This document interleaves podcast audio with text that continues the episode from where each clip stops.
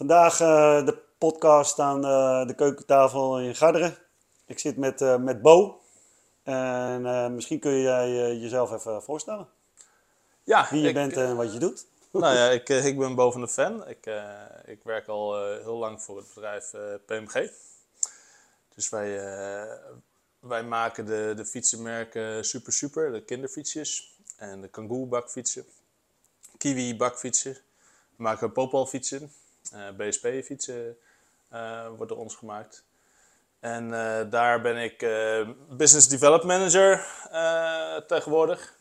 Een tijd lang ben ik verantwoordelijk geweest voor onze verkoopafdeling. Maar we zijn nu aan het kijken hoe we in de bredere zin van het woord de business kunnen uitbreiden. En dat is niet alleen maar altijd door meer fietsen te verkopen, maar misschien op een andere manier ook eens in te steken. Ja, ja, mooi. Maar als ik me herinner hoe wij ons eerste contact was dat volgens mij vorig jaar op de World of E-Mobility. Ja, precies. Toen hadden we wat contact en toen zijn we, ben ik daarna nog een keertje bij jullie in eh, Utrecht eh, geweest. Op een beurs. En eh, daar, toen had ik je geopperd voor een podcast. En ja, die even later, nu, Ja, precies. die nou, is nu is in actie. Die is nu in actie. Ja. Eh, ja, voor mij is het natuurlijk, eh, of voor mij mijn podcasten wil ik eh, bedrijven en mensen een podium geven, zeg maar.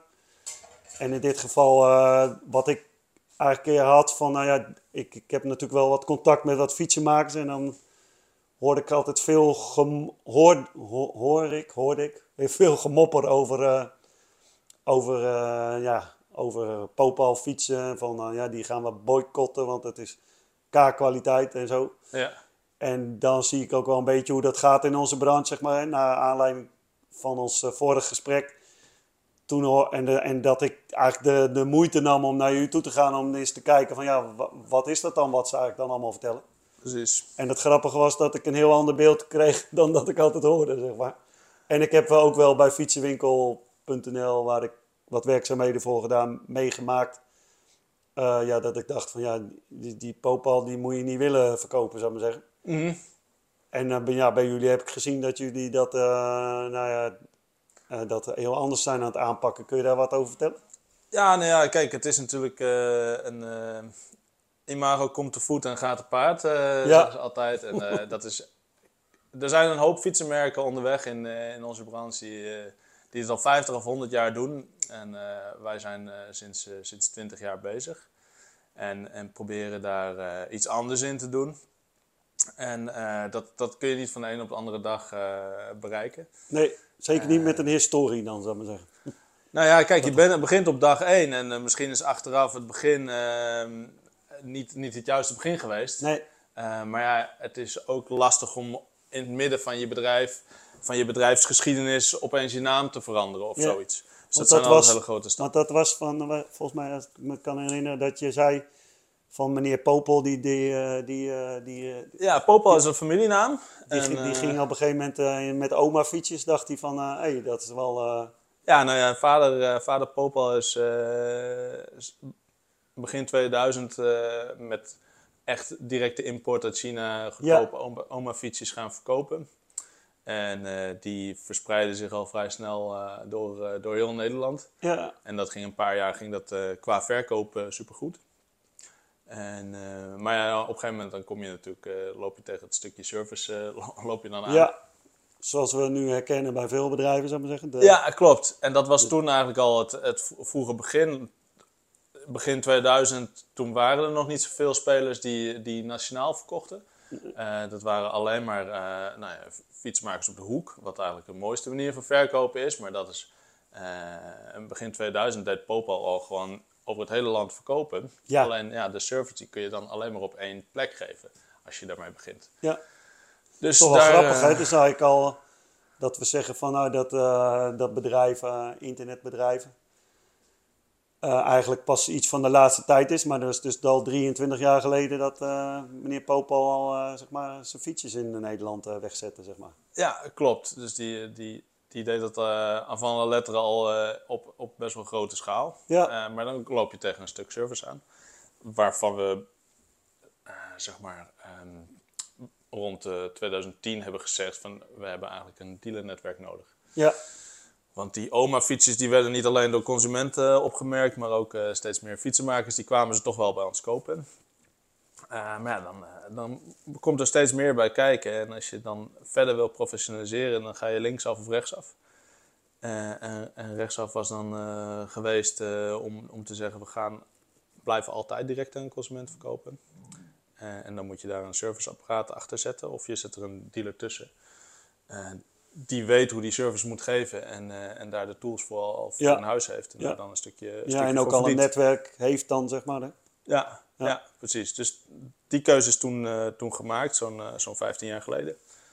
Om via de dealer te gaan verkopen. En de afgelopen 15 jaar hebben we natuurlijk een, een dealernetwerk opgebouwd. Wat, eh, waar we nu in Nederland met, eh, met zo'n 400 actieve dealers actief bezig zijn.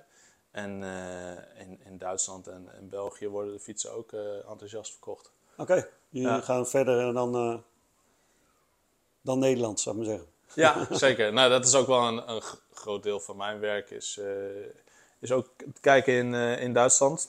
Ik heb veel, veel goede contacten in, in Duitsland. Ja, En eh wij zijn, we zijn daar heel, heel druk mee bezig. Maar altijd met in het achterhoofd dat we wel onze Nederlandse eh, dealers goed kunnen blijven, blijven beleveren. Dus ja, dat, dat zijn we zo zijn we gegroeid als, als fietsenbedrijf en eh, hebben we altijd eh, een stukje van dat nalatenschap van begin 2000, waarvan we heel veel goedkope oma-fietsen op de markt hebben gebracht. ja, Altijd producten wel doorontwikkeld. En in de afgelopen vier jaar hebben we echt sterk zelf eh, de ontwikkeling ingezet. ja, En het eerste wat je daarvan terug hebt gezien is de Kiwi-bakfiets. Die Ja. heb je bij ons op kantoor ook gezien. want dat is nu, eh, wat, het is nu niet alleen maar het merk Popal fietsen, maar jullie hebben inmiddels eh, vijf, zes merknamen, bedrijf, ja, merknamen zijn het eigenlijk, denk ik. Ja, we, nou, we zijn eh, producent van eh, vijf eh, fietsen. Ja, En eh, de zesde is eh, de Birdbike. Daar zijn we alleen eh, distributeur van. ja, ja, Want Bird is natuurlijk een eh, Amerikaans miljardenbedrijf. ja, ja, Wat zich vooral eh, specialiseert in, eh, in de deelfietsen. in grote steden en deelstepjes. En die stepjes zijn natuurlijk in Nederland niet Nee, toegelaten niet. op de openbare weg. En ze verkopen in, in Amerika een enthousiaste lifestyle, lifestyle e-bike. En die hebben ze geschikt gemaakt voor de Europese markt. En toen zijn ze bij ons terechtgekomen om, om te vragen of wij, eh, of wij die kunnen distribueren voor, eh, voor West-Europa. En dat hebben we in de afgelopen jaar eh, hebben we dat goed gedaan. Dat Ja, eh, ja. een mooi project. En, bij, dus, en, en eigenlijk, als je naar die merken kijkt, zeg maar, dan zitten ze allemaal op een bepaald segment, CQ, doelgroep. Ja, Als ik het zo samenvat, denk ik. ja, nou ja, eigenlijk het, het mooiste is natuurlijk als een fietswinkel een fiets kan leveren voor de hele familie. Ja, Eh, dus eh, dan begint het bij een, bij een kinderfietsje. En Ja. dat is da- daarvoor hebben we ons merk Super Super. ja. Eh, dus dat is een Cooper fietsje en een Lola fietsje. En de, de, jullie waren nu bezig met een, want er was veel meisjes fietsen, maar jullie waren nu bezig met een jongens. Ja, gek genoeg lijkt het altijd alsof de meisjes die krijgen altijd lijken nieuwe fietsen te krijgen. En die Ja. jongens die, die moeten het maar doen met het fietsen van de buurjongen of zo. Eh, dus we hebben altijd veel minder jongensfietsjes verkocht. En met e-bikes zie je natuurlijk ook sowieso ook veel meer damesfietsen dan herenfietsen. Maar dat begint al bij die allerkleinste. Ja, Eh, dus we hadden altijd onze, onze Funjet, die je nog steeds echt wel veel, veel ziet rijden. We hebben eigenlijk alle dealers van ons ook echt goed verkocht. En toen hebben we op een gegeven moment gezegd, van, ja, die Funjet, die lijkt heel veel op, op andere jongensfietsjes. En wij willen er steeds meer naartoe dat, wij, dat je op 200 meter afstand kan zien, hey, dat is een super super. Of hey, Ja. dat is een Popal. ja, En eh, dat had je met die oma-fietsen, had je dat natuurlijk nooit. En met, die, eh, met onze Funjet-fiets, zo'n jongensfietsje, ehm, die leek ook op heel veel, eh, heel veel concurrerende, concurrerende merken. En daarvoor zijn we nu aan, het- aan het tekenen met, met een team wat we in huis hebben. Nou, Ja. Thomas Ja, ik ken je had, persoonlijk. live meegemaakt dat ik, toen ik in Utrecht was, eh, een, eh, ja, een oude, eh, oude, nou ja, oude klant, hoe zeg ik dat? ja. in ieder geval, de, of met zijn vader heb ik nog gefietst, zeg maar. ja. En die, en die zat daar inderdaad aan de tekentafel. Dan mocht ik meekijken naar een, naar een nieuwe bakfiets die jullie aan het maken waren. Of die hun aan het maken waren. Ja. En ja, die, die zijn in september, oktober, geloof ik, op de markt te komen. Ja, klopt. Dus we hebben een, een design eh, team zitten. Dat zijn Thomas en, en Sander en, eh, en Isa. Die tekenen met z'n drieën tekenen ze de fietsen. Ja, En dat is een proces waar het hele bedrijf in, eh, in betrokken wordt. Want we hebben natuurlijk eh, als, als verkopers hebben we een bepaalde wens. eh, wat Ja. je terug hoort in de fietsenwinkel. Van we zouden eigenlijk zoiets graag willen, we Ja. zouden zoiets willen. En als marketingafdeling heb je ook een wens Ja, dat, dat- je, dat je die fiets dus eh, kan herkennen van mij Ja, ver. dat- van nou, ja. dat, dat, dat is er eentje. Eh, dus zo gaan we samen eh, kijken wat we, wat we terug willen zien in het model. En onder andere Thomas, die heeft dan nu veel getekend aan een nieuwe bakfiets. ja, Kangoo, Kangoo Buckle. Dat is een bakfiets die hebben we in de afgelopen twee jaar ja, veel, veel geproduceerd. Was echt een eh, succesnummer.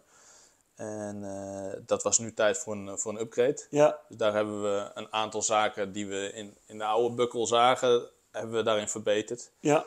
En dat is eh, Thomas dan gaan tekenen om het dan ook mooi voor het oog te laten Visueel, of nee, hoe zeg je dat? Nee, heet dat dan visueel? Nee.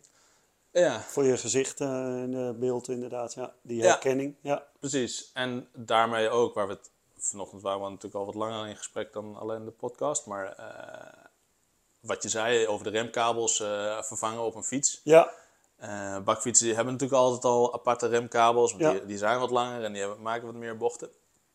Dus zo heeft Thomas ook in, die, in de nieuwe Kangoo Buckle heeft hij de kabels allemaal weggewerkt. Maar wel op zo'n manier dat je ze eh, met een aantal eh, schroefjes helemaal bloot kan leggen. ja, ja. Eh, dat je ze niet in Ja. rare bochten hoeft te wringen om weer uit het gaatje van het frame te krijgen. Ja, daar wordt de kastfietsenmaker wel blij van. Ja, precies. Dus dat is... Het is soms nou ja, om een nou ja, meest eh, rare stekkertje dingetje wat vervangen moet worden.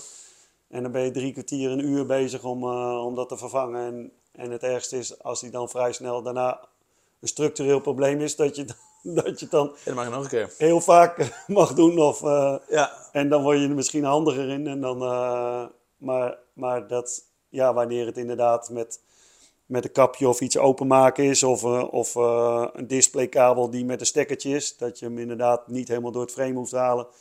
Want dat deel in het frame mag je aannemen dat dat heel blijft, maar dat het ergens met de stekkerverbinding eh, iets kapot gaat of aantrekt. ja. Ja, dat daar inderdaad, dat denk ik wel eens als fietsenmaker van, eh, ja, dat is leuk allemaal aan die tekentafel, maar er is nooit een fietsenmaker bij gevraagd eh, oh, hoe we dat moeten doen. Maar dat hoorde ik inderdaad en dat zag ik bij jullie, eh, hoe jullie dat nu aan het aanpakken zijn. En daar, nou ja, wat ik al zei, daar word ik als fietsenmaker natuurlijk wel blij van. En anderzijds kun je natuurlijk, dat is ook wel een oordeel wat wel gezegd wordt, van waar, waar blijft ons werk dan, zou ik maar zeggen. Maar ik denk dat er als fietsenmaker hou je altijd werk, want we hebben, en dat is meteen het probleem van onze branche, zou ik maar zeggen. We zijn geen tv of een koelkast, zou ik maar zeggen. Nee. We zijn gewoon een gebruiksvoorwerp en eh, Ja, wel een specialistisch product ook. Hè? Niet iedereen kan, er, kan, daarmee, eh, kan ermee overweg. En, eh, en dat is maar goed ook. nee, Anders, anders zou je je meerwaarde niet hebben als, eh, als fietsenmaker. En eh, ja, wat je zegt, eh, bij het ontwerpen van zo'n product moet je natuurlijk altijd eh, rekening houden dat het er mooi uitziet. Want je wilt die consument Ja. wil je aanspreken. ja, Eh, maar wij zijn, hè, die 15 jaar geleden dat ik zei, van, zijn we er bewust op ingestapt om een dealernetwerk op te bouwen. En daar willen we ook mee, mee verder bouwen. Het is niet zo dat we andere richtingen op, eh, op zouden willen. En dan is het heel makkelijk om te zeggen van, ik maak de allerduurste fiets met de allerbeste componenten. ja, Eh, en dan heb je natuurlijk een fiets die nooit kapot gaat, want je hebt alleen maar de allerbeste producten erop zitten. Eh, maar wij maken een fiets die afgestemd is op, een, op het gebruik van een bepaalde doelgroep. ja. Met, met, met, met eh, dat plaatje hoor het van, nou ja, ik ben, ik wou zeggen ik ben Sarah, maar Sarah is natuurlijk 50. Ja. Nou ja, dat zou een voorbeeld kunnen zijn, zeg maar. Sarah, eh, Sarah is eh, oma geworden en die eh, moet haar kleinklinder meenemen, zou ik maar zeggen. Ja. nou ja, die, die zou dan aangesproken kunnen worden, die, die bakfiets die, die Thomas aan het tekenen Ja. is. Eh, en, maar dat, dat is bijvoorbeeld dan niet een bakfiets die je zou moeten willen gebruiken voor, als PostNL. Nee, dat, daar Dat zou je is dan weer een hele dat is andere een zwaarder, ja. zwaarder gebruik en dat is een Ja. andere doelgroep. En dan hangt ook een andere prijskaartje Ja. aan. dat Zo- gaat vaak nog wel mis, hè. Dat we denken van, eh, nou ja, dit is een, eh, weet ik veel, dit is een racefiets. En, eh, en daar kan ik wel een rondje op gaan rijden. Maar dan kom je bij, weet ik veel, Parijs-Roubaix te rijden over de, klinkertjes. En dan stuit ongeveer je gebitje eruit, zou ik maar zeggen. Maar ja, Ja, maar ja, kijk, ja, als je, Je Parijs-Roubaix gaat rijden, dan heb je wat anders nodig Ja. als dat je hier, eh, als je hier door Garderen zou fietsen. Ja, of als ik eh, hier vanuit Garderen, of ik ga dan in één keer in Limburg rijden, zeg maar. Dat ik met mijn, met mijn single speed fietsje, eh, mijn- mijn mijn Popal eh, oma fietsje, daar kom ik de berg daar niet op, zou ik maar zeggen. Nee, klopt. Dus dan is een, dus, dus dat is inderdaad natuurlijk, nou dat noem ik eigenlijk bij het complexe, zeg maar. Dat het een fiets wordt zo, ja, de, de- ja we, we, nou, in de zin van dat we niet één fiets vaak meer hebben, zeg maar. Ik geloof dat de gemiddelde Nederlander 2,2 fietsen heeft of zo. Ja, ja. Wij En- allebei iets meer, denk ik. Hè? Wij allebei iets meer, Ja, denk ik. ja, ik heb er zeker meer. Ja, ik heb er ook vijf staan thuis. dus- Want elke eh affiniteit heb je, eh, ja, zoek je je fiets erbij inderdaad. Ja. En dat, ja, plus dat er natuurlijk eh, het woord hybride is dan kruising tussen, eh, nou ja, bijvoorbeeld een racefiets en ATB. Dat zie je natuurlijk wel steeds meer komen. Of eh, dat een gravelfiets gaat nu in één keer heel erg ook bijna een racefiets worden. Of is bijna een racefiets. Ja, link, linksaf een, een racefiets, maar ook, eh, ook de andere kant op dat steeds meer mensen op een gravelachtige fiets dan eh, dat het dan een commuter eh, wordt, een woon, woon-werkfiets. Ja, zie je ook. Ja. Want je hebt ook wel een pu- publiek natuurlijk wat nog niet aan een e-bike wil, maar wel heel graag heel licht, Ja. heel licht Ja. naar zijn werk Of de stap dat die ook alweer elektrisch of e-bike worden, zou ik maar zeggen. Ja, ja klopt. Zie je natuurlijk ook al wel. Met, of de speedbikes, zou ik maar zeggen, die dan weer nog weer hele andere eisen moeten hebben natuurlijk. Omdat ze eh, 50 per uur... eh, Ja, nou ja, dat is Gaan. natuurlijk heel recent eh, nieuws van, van gisteren dat er zoveel eh, ongelukken gebeurd zijn, eh, waarbij vooral e-bikes eh, betrokken zijn. ja, Dus wat dat betreft denk ik dat het, eh, dat het goed is om, om die trends in de gaten te houden. En ook, ja. Ik vind, ik moet dan, het is, het is waar, zeg maar. Of dat er natuurlijk meer ongelukken. Maar ik geloof het aantal wat ze zeiden. Ik geloof dat het die, eh, over 1500 ongelukken ging of zo. Mhm. En dan denk ik van, eh, ja, hoe, hoe groot is het dan, zeg maar, op, eh, op 18 miljoen mensen? Als je dan kijkt naar andere ja. maatschappelijk serieuzere problemen, zeg maar, dat we meer dan 11 miljoen mensen hebben die chronisch ziek zijn. En, en dat we nog niet eens normaal, normale groenten op een normaal, voor normale prijs kunnen kopen, omdat daar BTW op... Ja, precies. Maar met, met de soort- fietsen gaat het natuurlijk eh, nu eh, de verkeerde kant op, zeg maar. Er, gaan, er zijn steeds meer slachtoffers. En dat komt natuurlijk gewoon omdat steeds meer mensen, Ja, eh, mensen langer doorfietsen en mensen harder fietsen. Ja. Dus mensen zitten steeds ouder nog op de fiets. En, en die fietsen die gaan allemaal steeds harder. En zeker met zo'n speedpedelec ga je nog harder. En dan moet je vaak tussen de auto's rijden. Waar, waar de auto's ook niet altijd even enthousiast op reageren. En dat zien we natuurlijk ook met de, met de bakfietsen.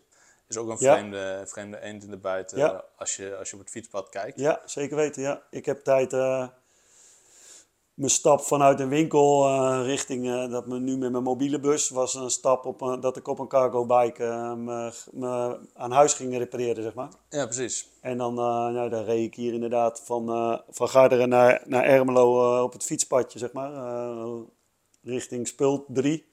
Maar dat is een fietspad waar je ja, inderdaad net met z'n tweeën eh, naast elkaar. Maar dat is dan een fietspad wat voor beide kanten is. Ja, Ja, dus als je daar met z'n tweeën naast elkaar en ik kwam dan met mijn bakfietsen aan eh, scheuren, zeg maar. ja. Dan was dat eh, af en toe best wel eh linker soep, zeg maar. En dat, en dat is nog... Nou ja, daar rijden nog niet zoveel mensen als dat je natuurlijk nu in het verkeer kijkt naar Amsterdam of Rotterdam of steden. Eh, ik geloof uh, Utrecht is heel goed bezig. Hè? Dus echt uh, als, als fietsstad, zou ik maar zeggen. Ja, fietsstad nummer 5 van de wereld, nummer Ja. 7. Die zijn, Hoewel uh, Ko Kopenhagen staat op nummer 1, hè? Ja, ja, dat is ook wel. Ik ben wel een keer in Kopenhagen geweest. Daar de, de plek die hier in Nederland uh, de auto heeft, zeg maar, nog heel veel. Dat is daar gewoon de fiets, zeg maar. Ja, dat is Dus wel je, vet, je moet blij zijn dat je daar met de auto mag rijden. En dat is heel, heel anders dan, dan, eh, dat je, dan als fietser, zou ik maar zeggen. Ja, toch is het wel jammer dat we het dan hebben laten liggen en dat Kopenhagen ons toch een beetje heeft ingehaald. Ja, Maar ehm, als Nederlands fietsland, dat, dat, dat, dat is ook wel mijn drijfveer of mijn, eh, mijn, mijn, mijn visie en mijn missie en zo. Gaan wel daarover, zeg maar, om, eh, om, eh, om voorop te blijven lopen. voorop te blijven lopen. En dat met name als we naar kennis kijken. ja, dat, dat, dat, dat gekscherend zeiden ze vroeger altijd al van, eh, en, en dat heeft wel met de- ons met, wat met ons imago te maken. Van je kunt altijd nog fietsenmaker worden. Ja, En eh, ik denk dat dat nooit zo geweest is en, eh, en dat- dat dat nu zeker niet meer aan de orde is. Alhoewel het ook geen rocket science is wat we, wat we nou ja, goed. Kijk, hebben. als je er zelf in zit, dan is het nooit rocket science. Nee, en dat, dat, dat is altijd alleen maar van buiten zo.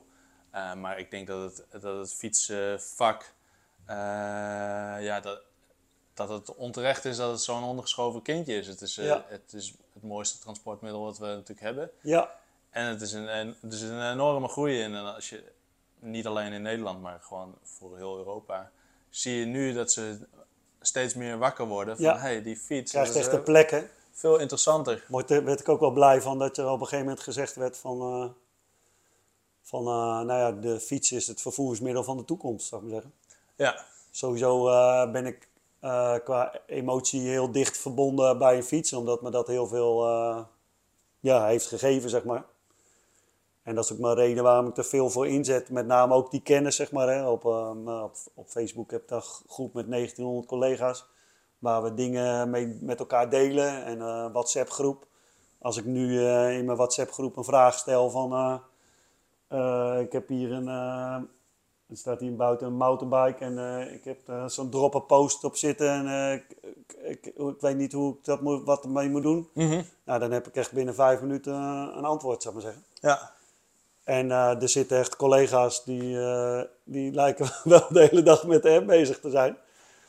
Ja, dat is, er, er zijn een paar jongens heel, heel actief, hè? Ja, Maar En- dat doet me trouwens denken aan iets anders waar we, waar we mee bezig zijn. Is eh, ook wat je zegt, hè? eh, die dropperpost. Van, iedere dropperpost is dan weer anders. ja, Eh, en eh de ene heeft zo'n kabeltje en die werkt dan weer beter met, met, met die binnenkabel en die Ja. buitenkabel, et cetera. En dat Nog- is ook iets wat wij hebben gezien in de e-bike wereld. Dat er eigenlijk veel te veel verschillende accu's zijn en verschillende Ja. displays. ja. Oh ja, dat vind ik wel een mooi bruggetje inderdaad. Want, Ja. want dat, dat, dat zag ik onder andere naast dat jullie aan het, eh, aan het kijken zijn naar die, eh, naar die kwaliteit van die fiets, zeg maar. Om eigenlijk ja, toch ook wel naar de fietser, maar eigenlijk ook wel die ondernemer te ontzorgen, zou ik maar zeggen.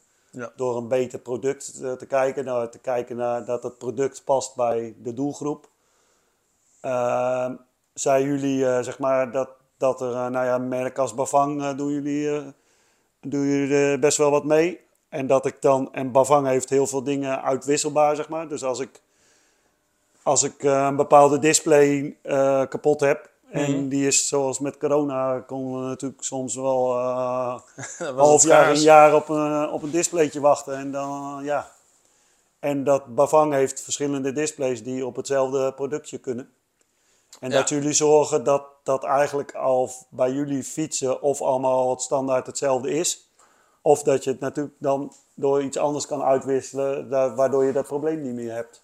Ja, nee, het is natuurlijk voor ons is het altijd de verantwoordelijkheid om te zorgen dat die eh, onderdelen snel bij de dealer terechtkomen. Ja, En eh, dat kun je eigenlijk alleen maar doen om daar zo, door daar zoveel mogelijk rust in te brengen. Eh, dus met rust bedoel ik dan niet een wildgroei aan verschillende displaytjes, Ja. en- maar daar gewoon zo min mogelijk variatie in te hebben.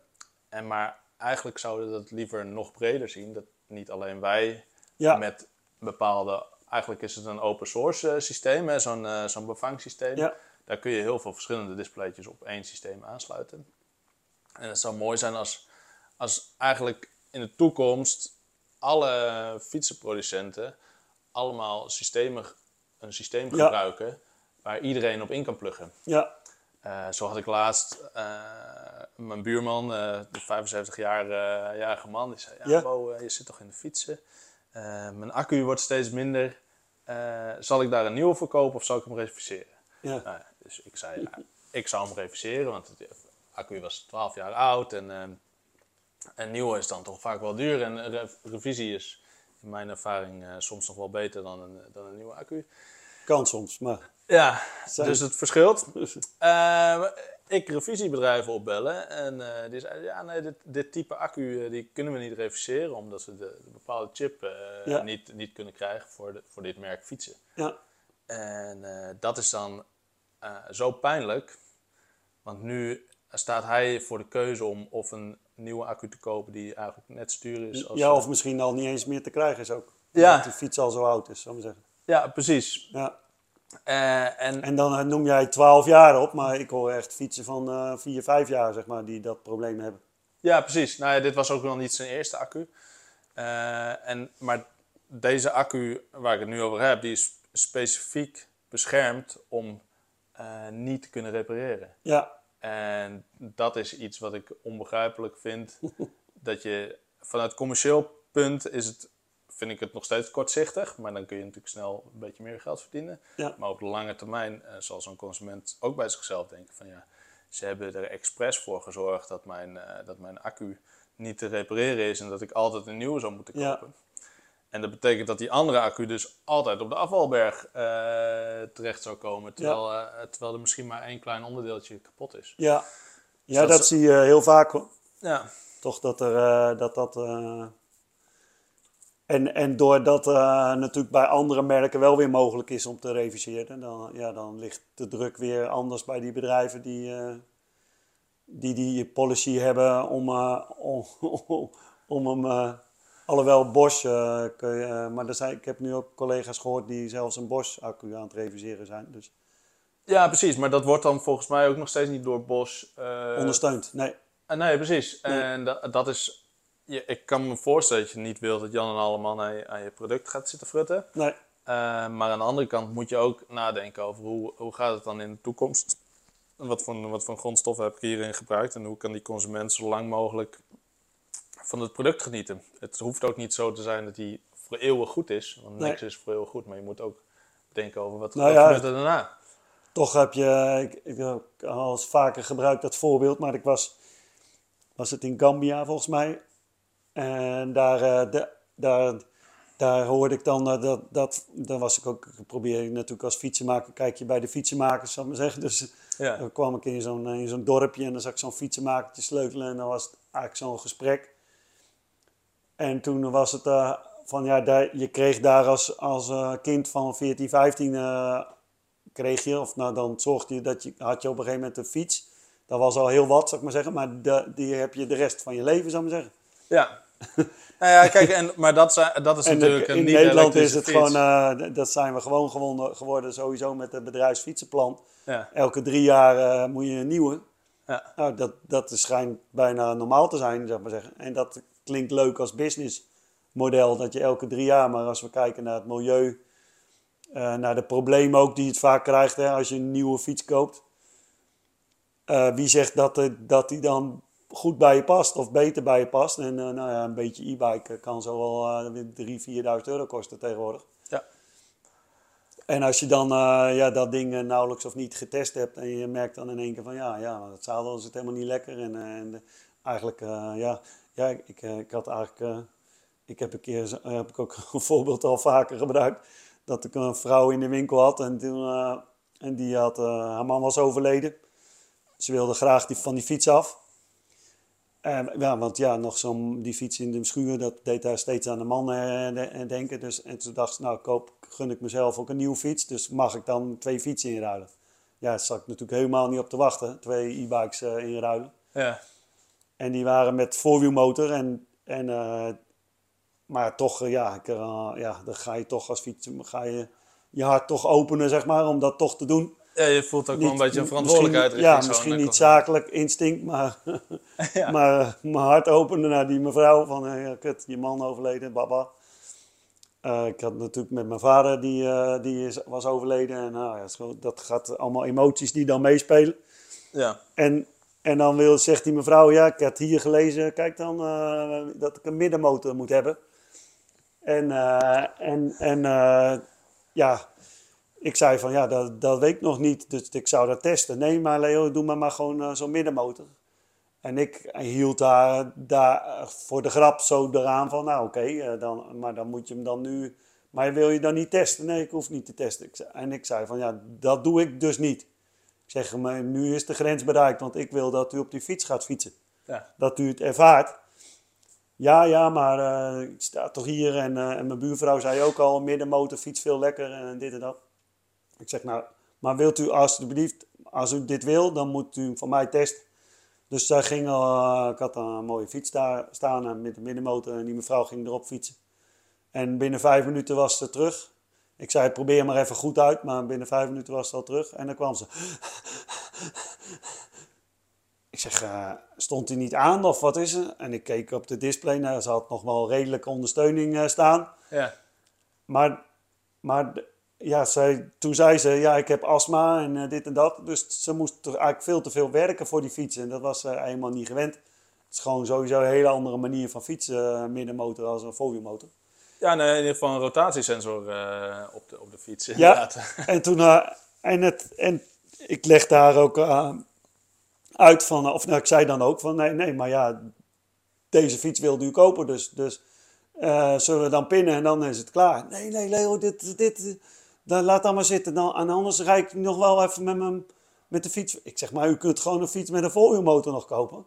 Ja, maar ik hoorde dat de voorwielmotor gevaarlijk is. Eh, Ja. ik zeg, ja, dat zou ik als fietsenmaker kunnen zeggen. Want als, ik, als u met, nog met uw man geweest was, dan had ik twee fietsen met misschien wel 300, 400 euro duurder. Had ik me gewoon wel 800 verkopen. euro extra kunnen verkopen. Ja. Ik zeg, maar ja, dat is niet eh, wat ik wil, zeg maar. Ik wil de fiets verkopen die bij u past. En, en eh, dus ik wil graag dat u nog deze midden voorwielmotor gaat proberen. Nou, toen bleef ze dus 10 minuten, kwartier weg. En, en eh, Ja. kwam ze binnen en, eh, en, en het verhaal daarna is dat, ze, dat, dat, dat ik zei de belangrijkheid van het oppompen van banden.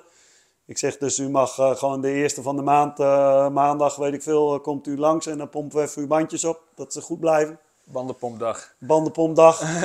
en eh, en, toen, eh, en dat, dat deed ze, maar de- dan deed ze ook elke keer zeggen van Leo, ik ben zo blij met mijn fiets.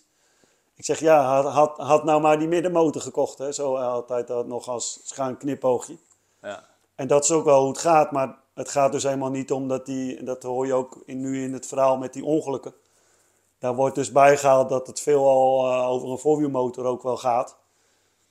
Maar, maar dat gaat vaak over kennis, zeg maar. Wanneer je natuurlijk eh, als, als persoon normaal 15 km per uur fietst. En je gaat in één keer op een e-bike die 20, 25 gaat en het regent. Of je rijdt op een grindpad. Ja, dan ga je niet met 25 per uur over zo'n rotonde heen eh, jagen, zeg maar. Nou ja, en de, degene die nu natuurlijk nog op een voorwielmotor rijden, dat is of de eerste generatie eh, e-bikes, of mensen die nu een beetje geld proberen te sparen op hun, op hun fiets. Ja, Maar die, en wat ik, wat ik sowieso inschat, is dat die mensen die eerste generatie, zoals deze dame waar jij het nu nog over hebt, die, die fietsen nog vrolijk door op die fiets totdat die, eh, tot die zeg maar kapot is. ja, En die mensen die kunnen en niet, die hebben en geen reactievermogen meer, eh, zoals jij en ik hebben. nee, En die hebben dus een, eh, een, een voorwielmotor en die zitten veel op die fiets. Je zou eigenlijk moeten kijken naar hè, per kilometer hoeveel ongelukken er dan zijn. ja, Want het is natuurlijk een andere techniek, zo'n voorwielmotor. Maar dat is dus ook waar ik het eigenlijk met het ontwerpen van zo'n fiets over had. eh, dat je de fiets moet afstemmen op het gebruik van de consument.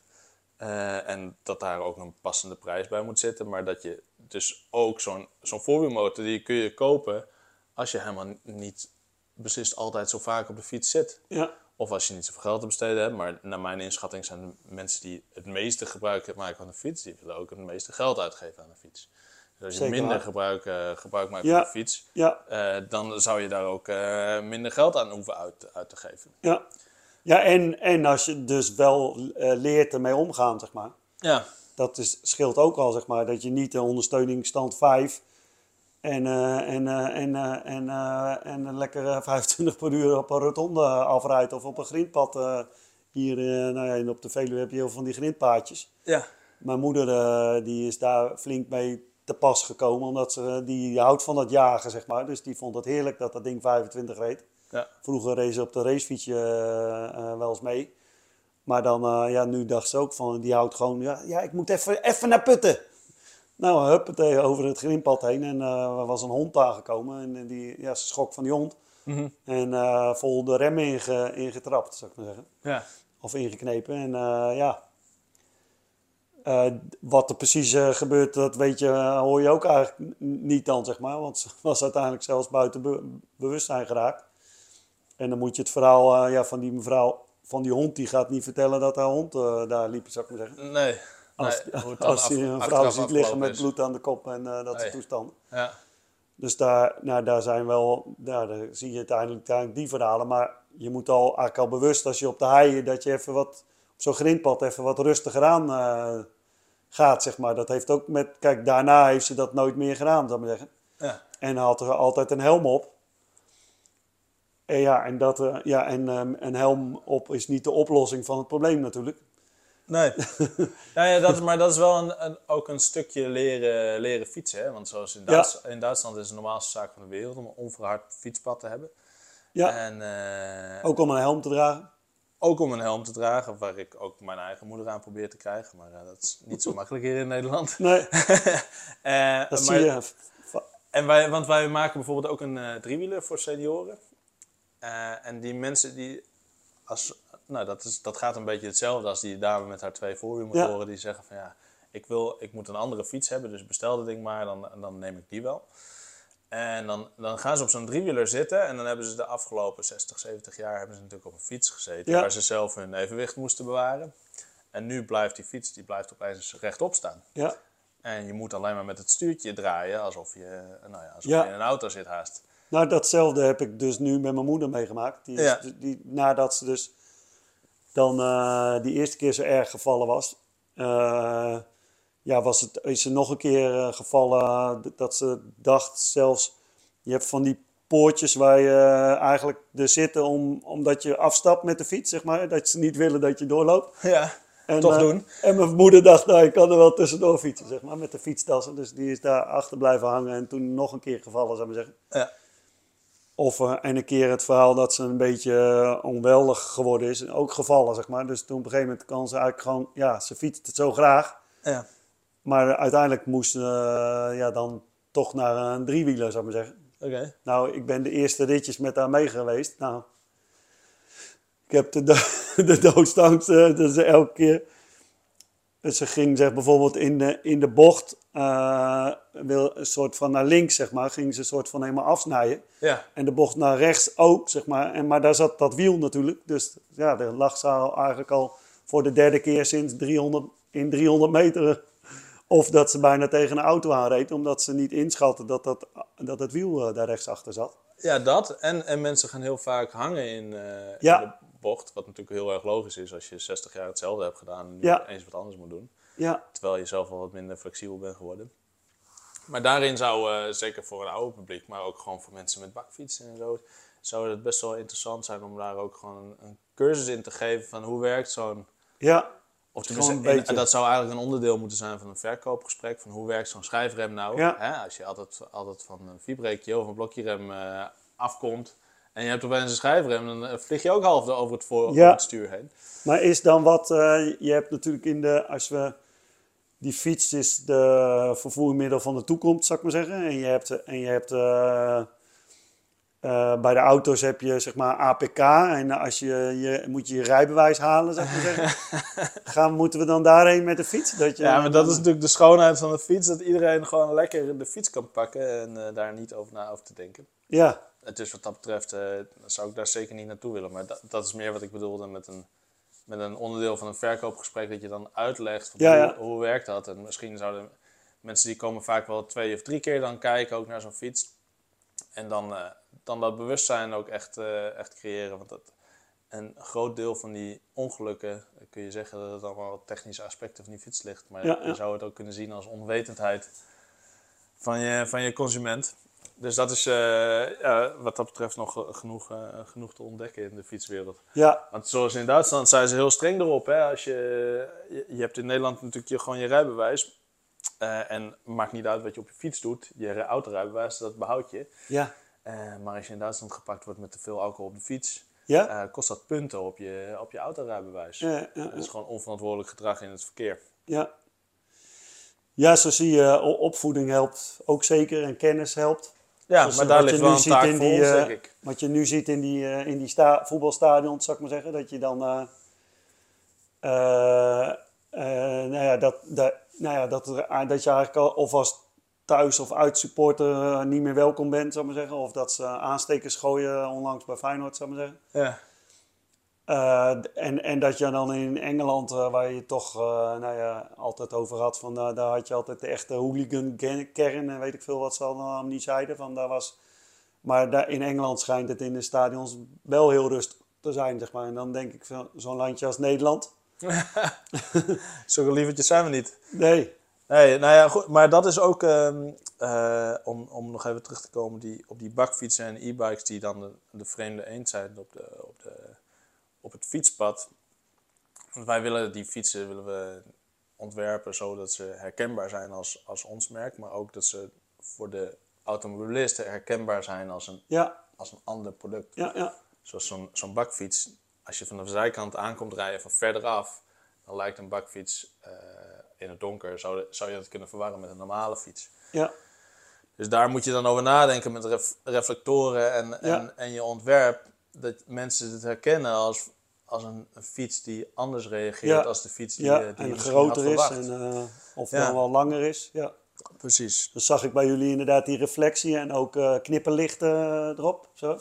Ja, ja. Eh, En ook op de normale fietsen zijn we steeds meer reflectie aan, het, aan het maken. Zelfs reflectie in de kleur van de, van de lak. Oké. je bij daglicht de reflectie niet Ja. zal zien. Maar dan s'avonds als je er met de auto lichten op schijnt, Ja? Eh, dan, dan ligt de lak zeg maar op. Oké. Eh, dus dat zijn wel vette trends om op, op in te spelen. En dat is en een stukje herkenbaarheid voor Ja. je merk, maar vooral een stuk veiligheid voor je, voor je consument.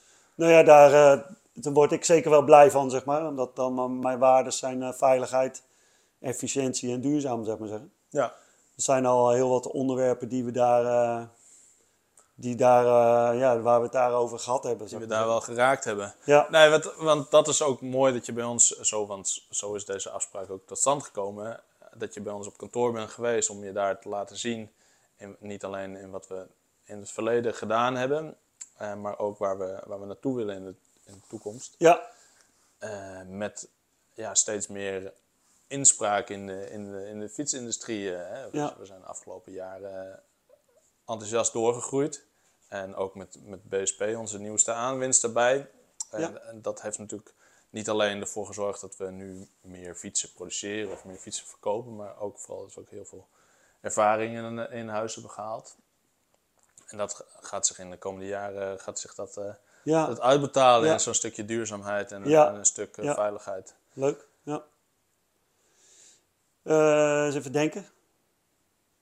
We efficiëntie hebben we nog niet. Hebben we daar al wat over gehad? Hebben jullie, doen, doen jullie iets met efficiënt? De- eigenlijk is dat wel wat jullie doen. Hè? Maar efficiënt hebben we natuurlijk wel gehad in de zin dat jullie die displays, dat noem ik eigenlijk iets efficiënt, zeg maar. Hè? Dat je dus, eh, of, of eh, inderdaad, eh, dat je een remkabel wil vervangen en dat die, dat die praktisch en makkelijk en snel te Dat vervangen die is. bereikbaar is. Ja. Ja. Nee, want efficiëntie ligt in, in onze sector denk ik heel dicht aan, aan, aan duurzaamheid. Ja, zeker waar. Ja.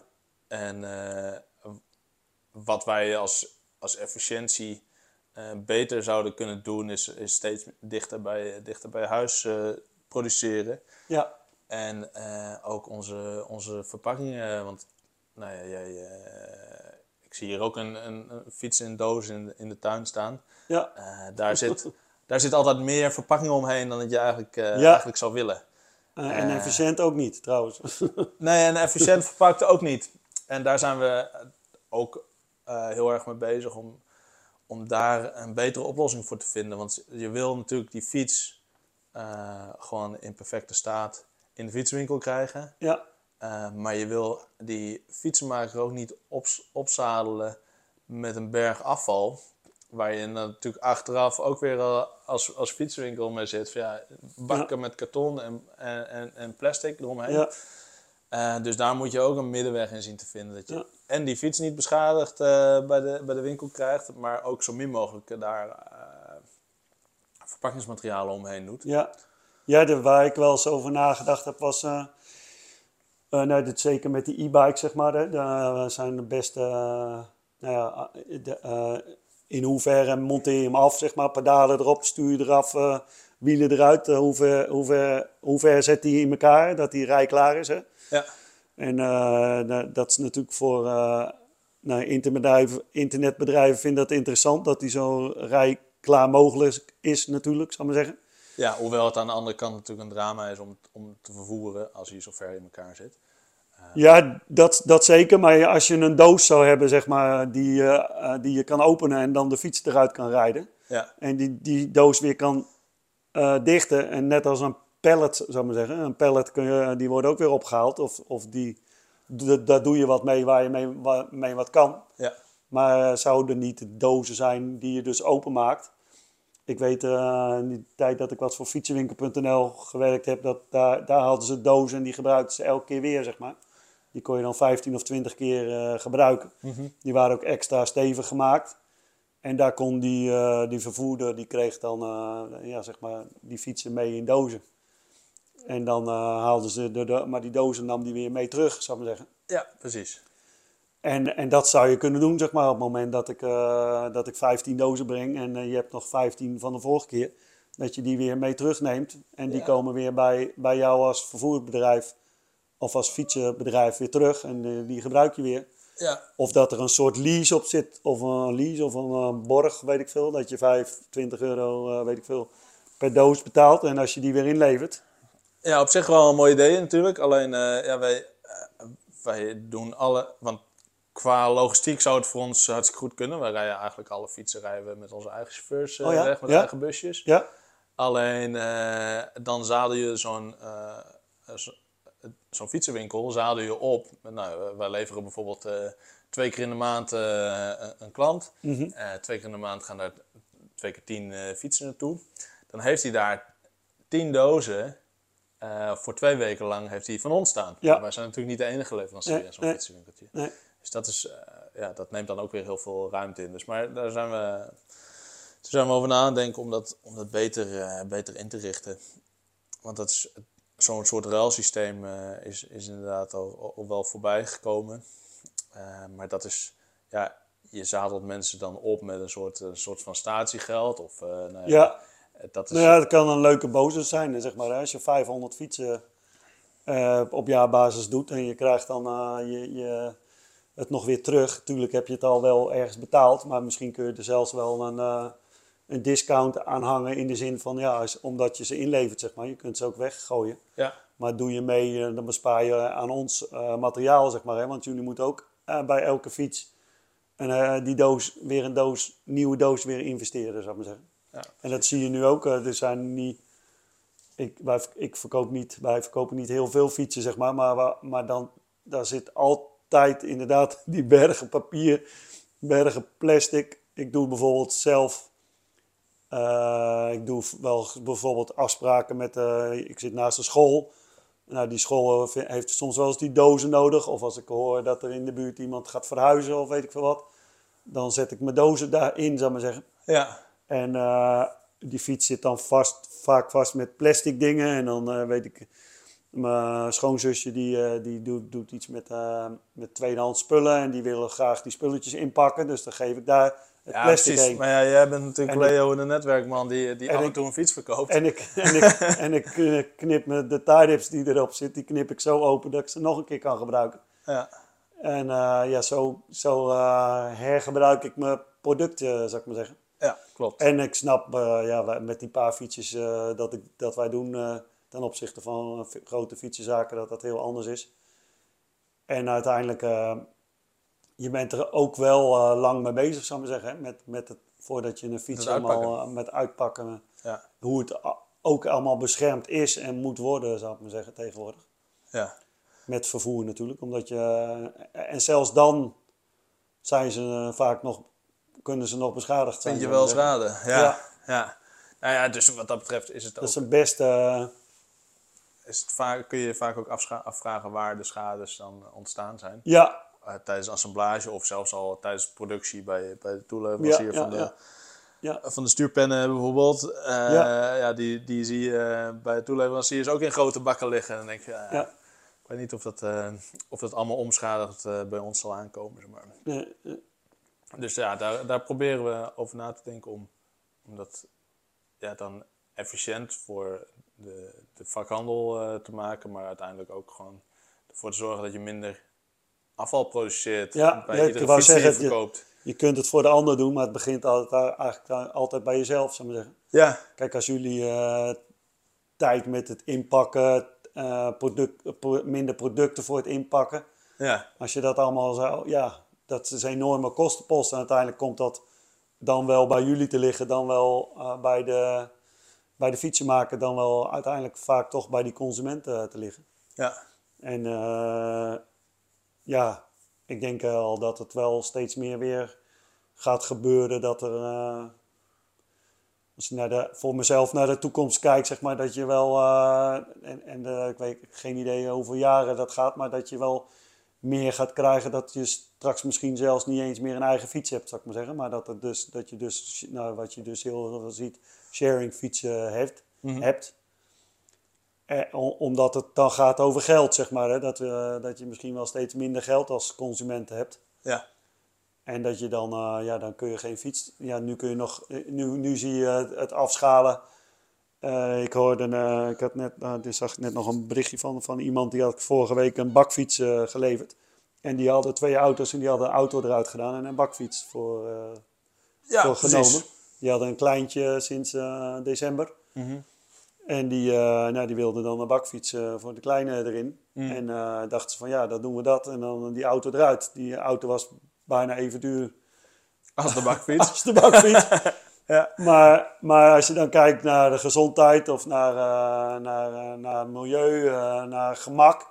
Want ja, de, ze, de, zij woont in Ermelo en zelfs in Ermelo is het al bijna niet te doen om met je auto door het dorp te gaan, zou ik maar zeggen. En dan is een bakfiets vele malen makkelijker. En het is ook wel gezelliger hè, met z'n tweetjes met de bakfiets in plaats Ja, dat. Ja.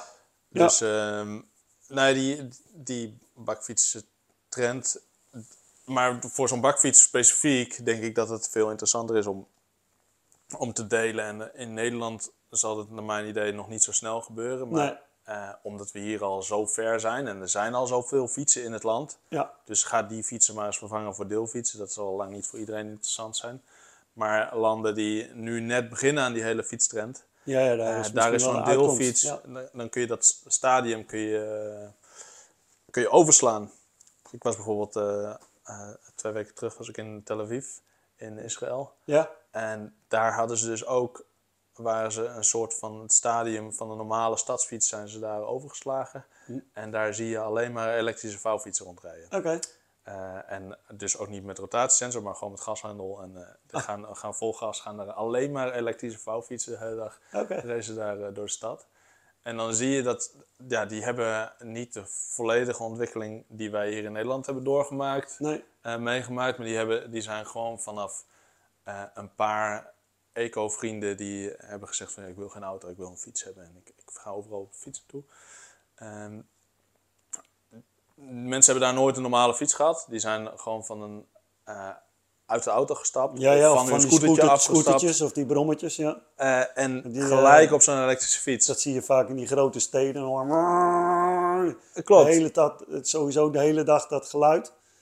En, en ook eh, dat het massa's vol staat van scootertjes en brommetjes. Ja. En dat gaat allemaal dwars door elkaar heen en het gaat allemaal goed. Dat, en soms ook niet natuurlijk. En soms ook En, niet. en hier ja, hebben we allemaal regels. En, Ja, dat gaat ook niet altijd. We Gaat het toch niet over ongelukken. maar, eh, dus wat is dan het voordeel? Maar als we maar het ja, hebben over heel het veel milieu... andere landen die, die slaan dat soort stadia eh, over van zo'n ontwikkeling. Kijk, het, Duitsland bijvoorbeeld, die heeft eigenlijk eh, de, het stadium van een voorwielmotor hebben ze eigenlijk overgeslagen. Ja, Ze zijn pas begonnen met fietsen toen de midden, middenmotor beschikbaar was voor de fiets. ja, Eh, dus daar zijn relatief ten opzichte van het aandeel voorwielmotoren wat we hier in Nederland eh, zien, Ja, ja. eh, zie je dat bijna, in Duitsland bijna niet. Is iedereen die heeft gelijk die middenmotor gekocht. Ja.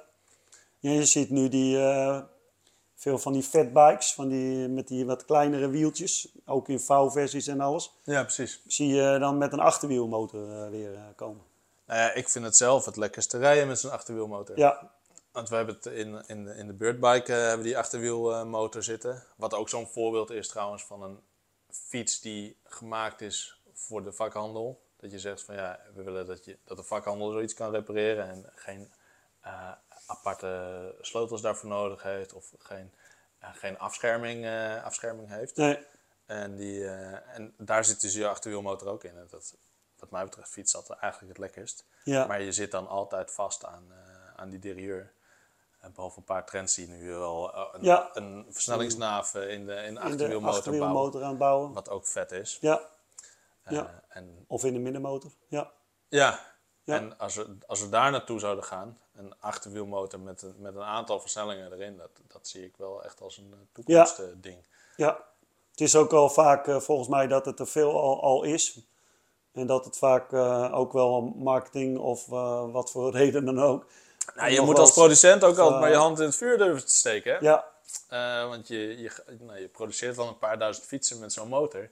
Eh, maar ja, als je de eerste bent, ja en dan hoor je nog geen feedback terug van... Hey, dat is bij, bij dat merk zo bevallen, dus jullie kunnen het prima doen. Ja, dan, ja, dan moet je dat gokje maar wagen. En Ja. nou ja, als het dan je misgaat... zelf veel geïnvesteerd hebben. En als je zegt eh, veiliger of het is duurzamer. Je zegt bijvoorbeeld van eh, nou mijn accu gaat eh 15 jaar mee. Ja, hoe kun je dat zeggen als die nog maar een jaar op de markt is? Zeg Ja. maar zeggen. Dus, dus dat soort dingen zijn. en, en, en ja, dat is dan omdat wij mensen willen natuurlijk alles bewezen hebben en, en, en Nou ja, uit- ja. uitgetest hebben. En, en ja, De foutmarge is ook nog maar klein, hè? want daar wordt je, daar wordt je weinig, weinig vergeven. Eh, ja, Eh, en eh, je, oh, nou, niet, niet alles hoeft ook vergeven te worden, maar als, je, als, je, als je een fout maakte in Groningen vroeger, dan hoorde je in Amsterdam hoorde je er niks over. nee, Maar als je nu een fout maakt in Groningen, dan Ja. zitten in Sydney ook. ja, ja nee, En, inderdaad. ja. Dus daarom is het voor ons als producent met zo'n met een nieuw merkmotor of een nieuw type XI, Ja, is dat heel erg lastig om die keuze te maken. Want ja, als het misgaat, ja, dan, ja, dan hang je ze maar. ja, dat hoor ik ook wel veel. Ik, de, ik doe eh, promotiewerk en testen voor Enduro. Ja. Nieuw ketting- en tandwielsaandrijfsysteem. Maar dan hoor je vaak van merken van ja, we eerst maar eens kijken hoe anderen het doen. En dat zeggen dan, dan, dan Als iedereen dat zegt, dan honderd er niet. merken. Dan, dus dan Ja. doet niemand het. En eh, ja, je, ik, ik heb het nu zelf ingezet in de vervangingsmarkt. In, eh, bij Domino's Pizza bijvoorbeeld, bij wat 30 fietsen of zo die ik heb lopen. Ja. En dan zie je dan de waarde ervan. Alleen, eh, ja, dan, ja, Breng voordat, dat maar eens over. ja, en veel merken willen niet eh, met een early bird eh, bedrijf, wa- wat het vaak het idee is, meewerken. En, en dan heb je het ook over duurzaamheid. Zo'n, dat als zo'n systeem dan, of, en dan, nou, of prijs bedoel ik dan meer, maar dan heb je bijvoorbeeld dat als zo'n ketting-tandwielsysteem consumentenprijs 250 kost.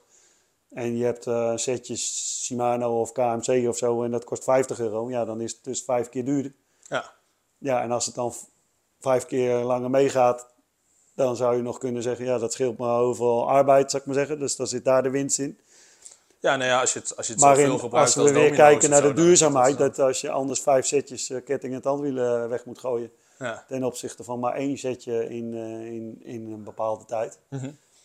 Nou, maar ja, en zo willen veel fabrikanten gelukkig steeds meer kijken. Alleen zitten we dan nog natuurlijk met de kostprijs eh, ervan. ja, Dat die fiets natuurlijk eh, uiteindelijk al gewoon veel, eh, wordt een stuk duurder. veel En duurder dat- wordt. En als je dat dan tegen de consument zegt. Van ja, die fiets is, ja, dan, dan is het kwestie van uitleggen. En die zeggen dan ook bijna van ja. Maar ja, als dat nog maar net op de markt is, eh, hoe, kan het dan, hoe kun je dan weten dat het al zo, eh, zoveel duizend kilometer meegaat? Maar dat zijn de, Nou, uitdagingen hè, die in de eh, branche Innovators eh, nodig om, eh, om dit soort dingen Ja. eh, in de Ja. markt te brengen. Dus wij, wij staan er ook zeker wel altijd eh, wel voor open. Ja, Maar ik wou alleen maar even... Ja, dat het, het is zo'n grote risico. En zo'n zo'n ketting is natuurlijk gaaf dat het, eh, dat het komt. En het is jammer dat er ook nog steeds geen, eh, geen goede alternatieven zijn voor Shimano eh, versnellingsnaven bijvoorbeeld. Ja, Nou, en Violo is natuurlijk heel goed, eh, Wel zeker, goed ja. bezig. ja, Eh, wat ook steeds meer op onze fietsen komt. En je ziet het door de hele, hele industrie steeds meer Ja. Violo's. ja. En niet alleen omdat het een Maar mooi systeem is. Daar, daar zie je wel de kwaliteit van een merk en, en waar... En die hebben natuurlijk ook hun moeilijkheden gehad, zeg maar. Hè? Dat er eerst al die freewheeltjes eruit vlogen. Maar hun, Ja, hebben, tuurlijk. hun hebben een Dat gaat oplossing. allemaal niet vanzelf. Maar en, eh, eh, en, uit, en uiteindelijk zie je nu nou, bij, ja, bijna dat er geen cargo bike meer is, waar geen enduro eh cargo knife ingezet wordt, zou ik maar zeggen. nee, klopt. En dat komt ook omdat hun specifiek echt wel daar, ja, daar zijn, hebben ze ook op, ingezet. Ja. En, hun, eh, nou ja, ik ben onlangs weer bij een training van hun geweest. En wat ook zo belangrijk is, zeg maar. Hè, maar, Brenda die zegt dan wel eens van ja, ja, maar dat weten we nu toch wel. En maar wat is er dan weer nieuw? En natuurlijk hebben ze elke keer weer iets nieuws. Dat er weer steekasmodellen zijn en dat er weer, ja, dat er weer eh, nog weer iets verzwaard wordt. Ze hadden nu zelfs ook weer lichtere modellen, waar ik dan weer mijn twijfels over heb. Mhm. Moet je dat dan wel weer gaan doen, zeg maar. Maar dat is ook om juist die lage markt wel die oplossing voor die Nexus Nav dan misschien te hebben. Ja. Nou ja, en, En die maar het, is een, het is inderdaad een mooie techniek, die NVOLO. Eh, maar wat naar mijn idee ook belangrijk is, is dat, dat je niet meer dat monopolie bij Shimano hebt liggen. En dat ligt Ja. nog steeds wel zeker daar. Maar, eh, dus wat dat betreft zou het mooi zijn als daar, eh, als daar meer alternatieven voor komen. Ja. En die, dat die meer omarmd worden. Concurrentie is, eh, Die concurrentie is... geeft eh, uiteindelijk de kwaliteit ja, van, van iets, zou ik maar zeggen. klopt. Je wordt Maar- misschien ook wel een soort van eh, lui eh, in, eh, in, eh, als merk van, eh, ja, en, ook niet natuurlijk. Als je over racefietsgroepen hebt, dan komt eh, Shimano, elk, blijven ze altijd weer innoveren, zou ik maar zeggen. Ja, Dat er steeds weer. eh, en, en ik vraag me altijd af. Kijk, eh, als ik kijk naar een mountainbike dat je nu hebt 1 keer 12 of zo. Mhm. Dat ik denk van ja, waarom? Zou ik maar zeggen. Ik had de 3 keer 8 zeg maar, is volgens mij in jouw MTB-tijd, zeg maar. voor in Nederland misschien wel iets praktischer, zeg maar. Voor eh, met je ketting en tandwielen, de breedte ervan.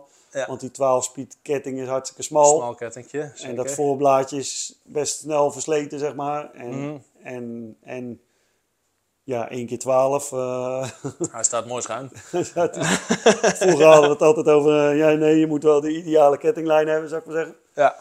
Bij de, bij, als je één keer nee, drie, keer- drie keer negen had, dan de eerste drie het eerste blad en de tweede drie het middelste blad en de buitenste drie het buitenste blad. Maar dat is tegenwoordig één keer twaalf en eh, dat is in één keer allemaal van de baan. Ja.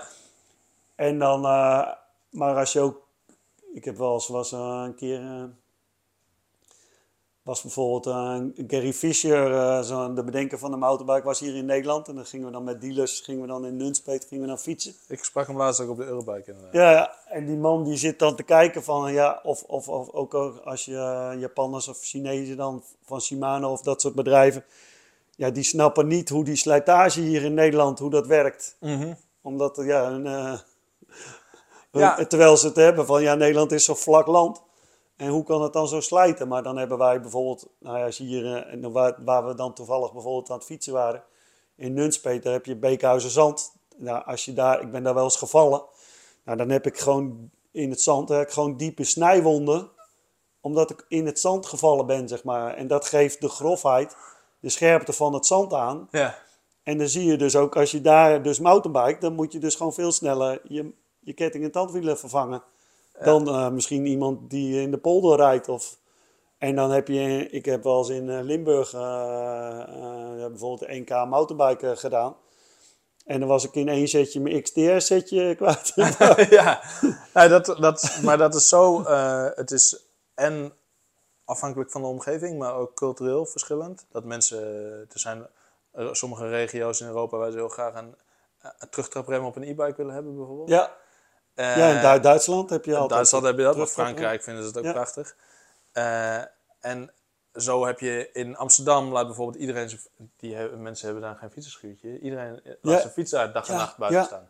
Ja, Eh, en dat is altijd, eh, ja, zo moet je altijd eigenlijk kijken naar de lokale, Achoo! Zo, lokale niet mensen. schrikken, Maar, eh, wou ik zeggen, maar dat, dat was laat. was hij al. maar dat, maakt het, dat maakt het hele fietsen maken en fietsen verkopen en, en ontwikkelen wel eh, lastig, omdat je zoveel verschillende omstandigheden hebt. Ja. Ja, dat is de, de, ook waar je ziet waar volgens mij dan bedrijven als eh, Stella of eh Amslot of, eh, of de, eh, de Van Moos, zeg maar, eh, dan dat, dat zien, zeg maar. Hè? Ja. Of daar tegenaan lopen. Ik zou zeggen, bij- bij, Stella bijvoorbeeld, doe eh, 100 euro per fiets eh, erop. En ik wil het onderhoud wel regelen voor al die fietsen, zou ik maar zeggen. Als ik die 100 a- en, en de garantie wel, als, mij, als je mij de onderdelen levert. Ja. Dan heb je een goede, een goed businessmodel, zou ik maar zeggen. Ja. Nou ja, of, En of los zorg- je- als mensen geen fietsenschuurtje hebben, zorg dat je je accu mee naar binnen kan nemen. Ja, dat bijvoorbeeld. Want eh, ik heb tijd eh, voor fietsenwinkel bijvoorbeeld in Noord-Holland eh, gereden, zeg maar. Ja. Met mijn mobiele bus. En om aan te tonen dat dat ja, een goede oplossing is, zeg maar. Mobiele service aan huis, zeker als internetbedrijf. En dan had je, en, maar dan hadden we dus een ontzettend veel, eh, nou ja, veel fietsen met Wavang hadden ze bijvoorbeeld. En dan, eh, ja, die mensen moesten drie ogen achter, eh, zaten ze, zeg maar zeggen. Ja. En die, die fiets stond buiten, maar dan moest het laden natuurlijk boven in je, in je, op, je, op, ja, Op je eigen stopcontact. op je eigen stopcontactje, drie hoog eh, ja. of vijf hoog of 20, 15 hoog. Mhm. Maar de, ja, met wat er nu tegenwoordig gebeurt met de accu's, wil je dat al niet eigenlijk, zeg maar. Dat je, en wat we over accu's weten. Want er gebeurt natuurlijk ook wel eens wat als je... Qua veiligheid bedoel je? Ja, als je naar Ja. boven brengt, met dat dat ding dan valt. Mhm. En als die buiten staat, wat we heel vaak zagen, was dat de accupolen helemaal groen geoxideerd waren. Mhm. Of eh, nat waren. En ja, dan doe je je accu in, de, in je accupolen, zeg maar. Ja. Op het moment dat je hem erin schuift, als je hem dan hebt opgeladen en, eh, en die regenbui, of, of misschien wel tijdens de regenbui, druk je die er nog in.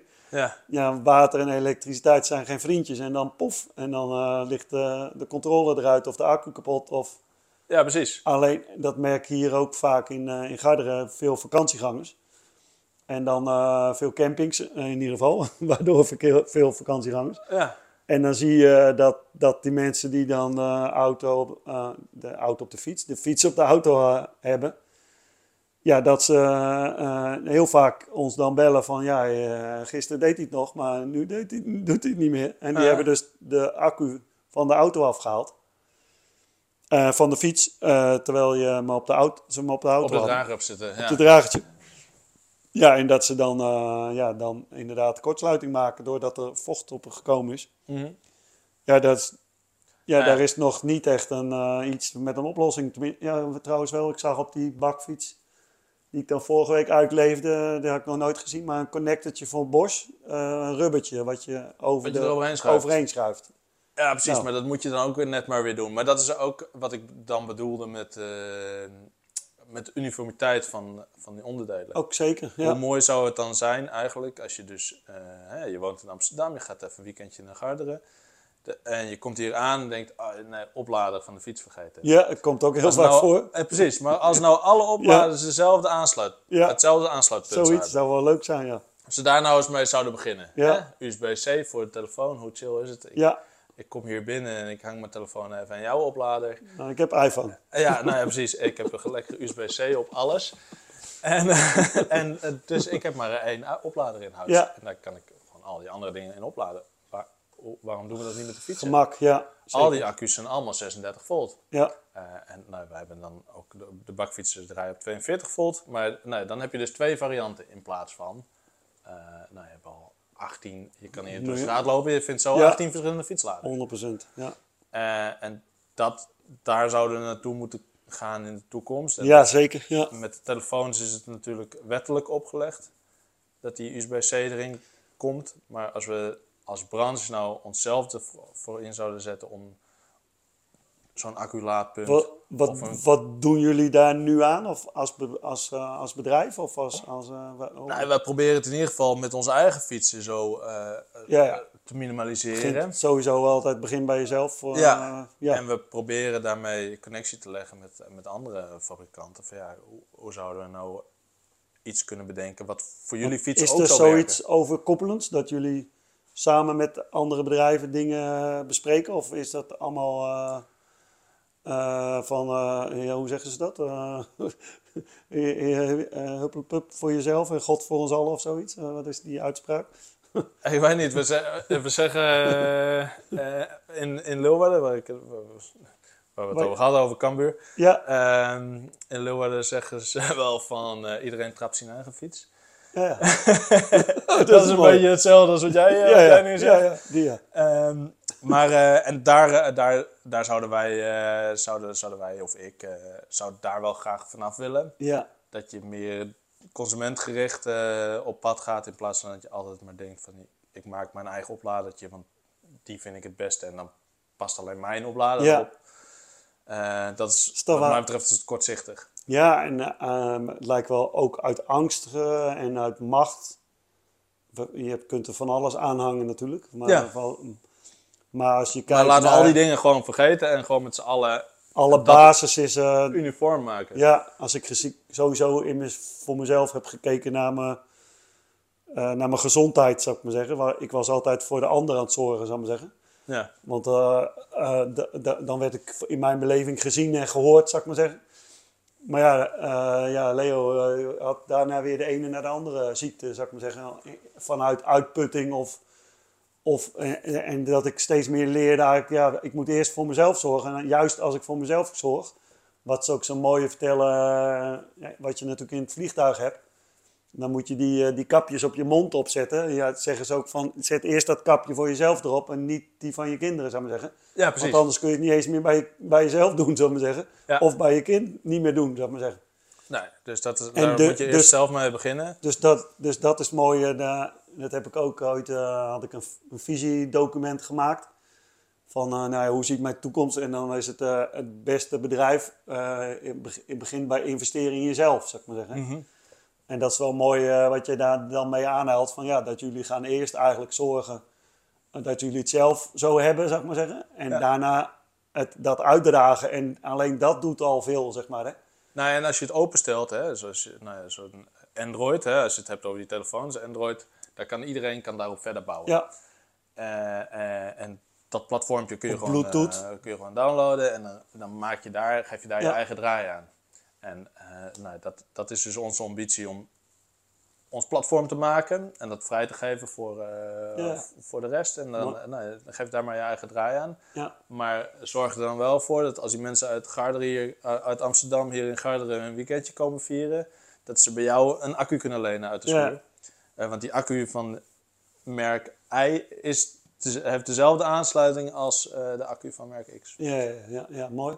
Mooi. eh, want we zitten inmiddels alweer ruim over één uur en een kwartier, zou ik maar zeggen. Oké, ja, dat bijna. is wel over de optimale podcasttijd heen, denk ik. Oh, dat weet ik niet. dus we horen dat, dat ze flink wel vaak geluisterd worden. Dus, en ook vrij lang, de, onze podcasten. Dus Oké, te gek. op zich mooi. Maar wel, eh, misschien wel tijd voor een afronding. En daar zit meestal inderdaad wel bij van, eh, van de toekomst. Maar dat heb je denk ik wel... eh, of, nou ja, allereerst, de la, een van de laatste vragen die ik eigenlijk altijd stel trouwens is... hebben, we- hebben we het nog ergens niet over gehad wat jij nog zou, kwijt zou willen? Of wat jij...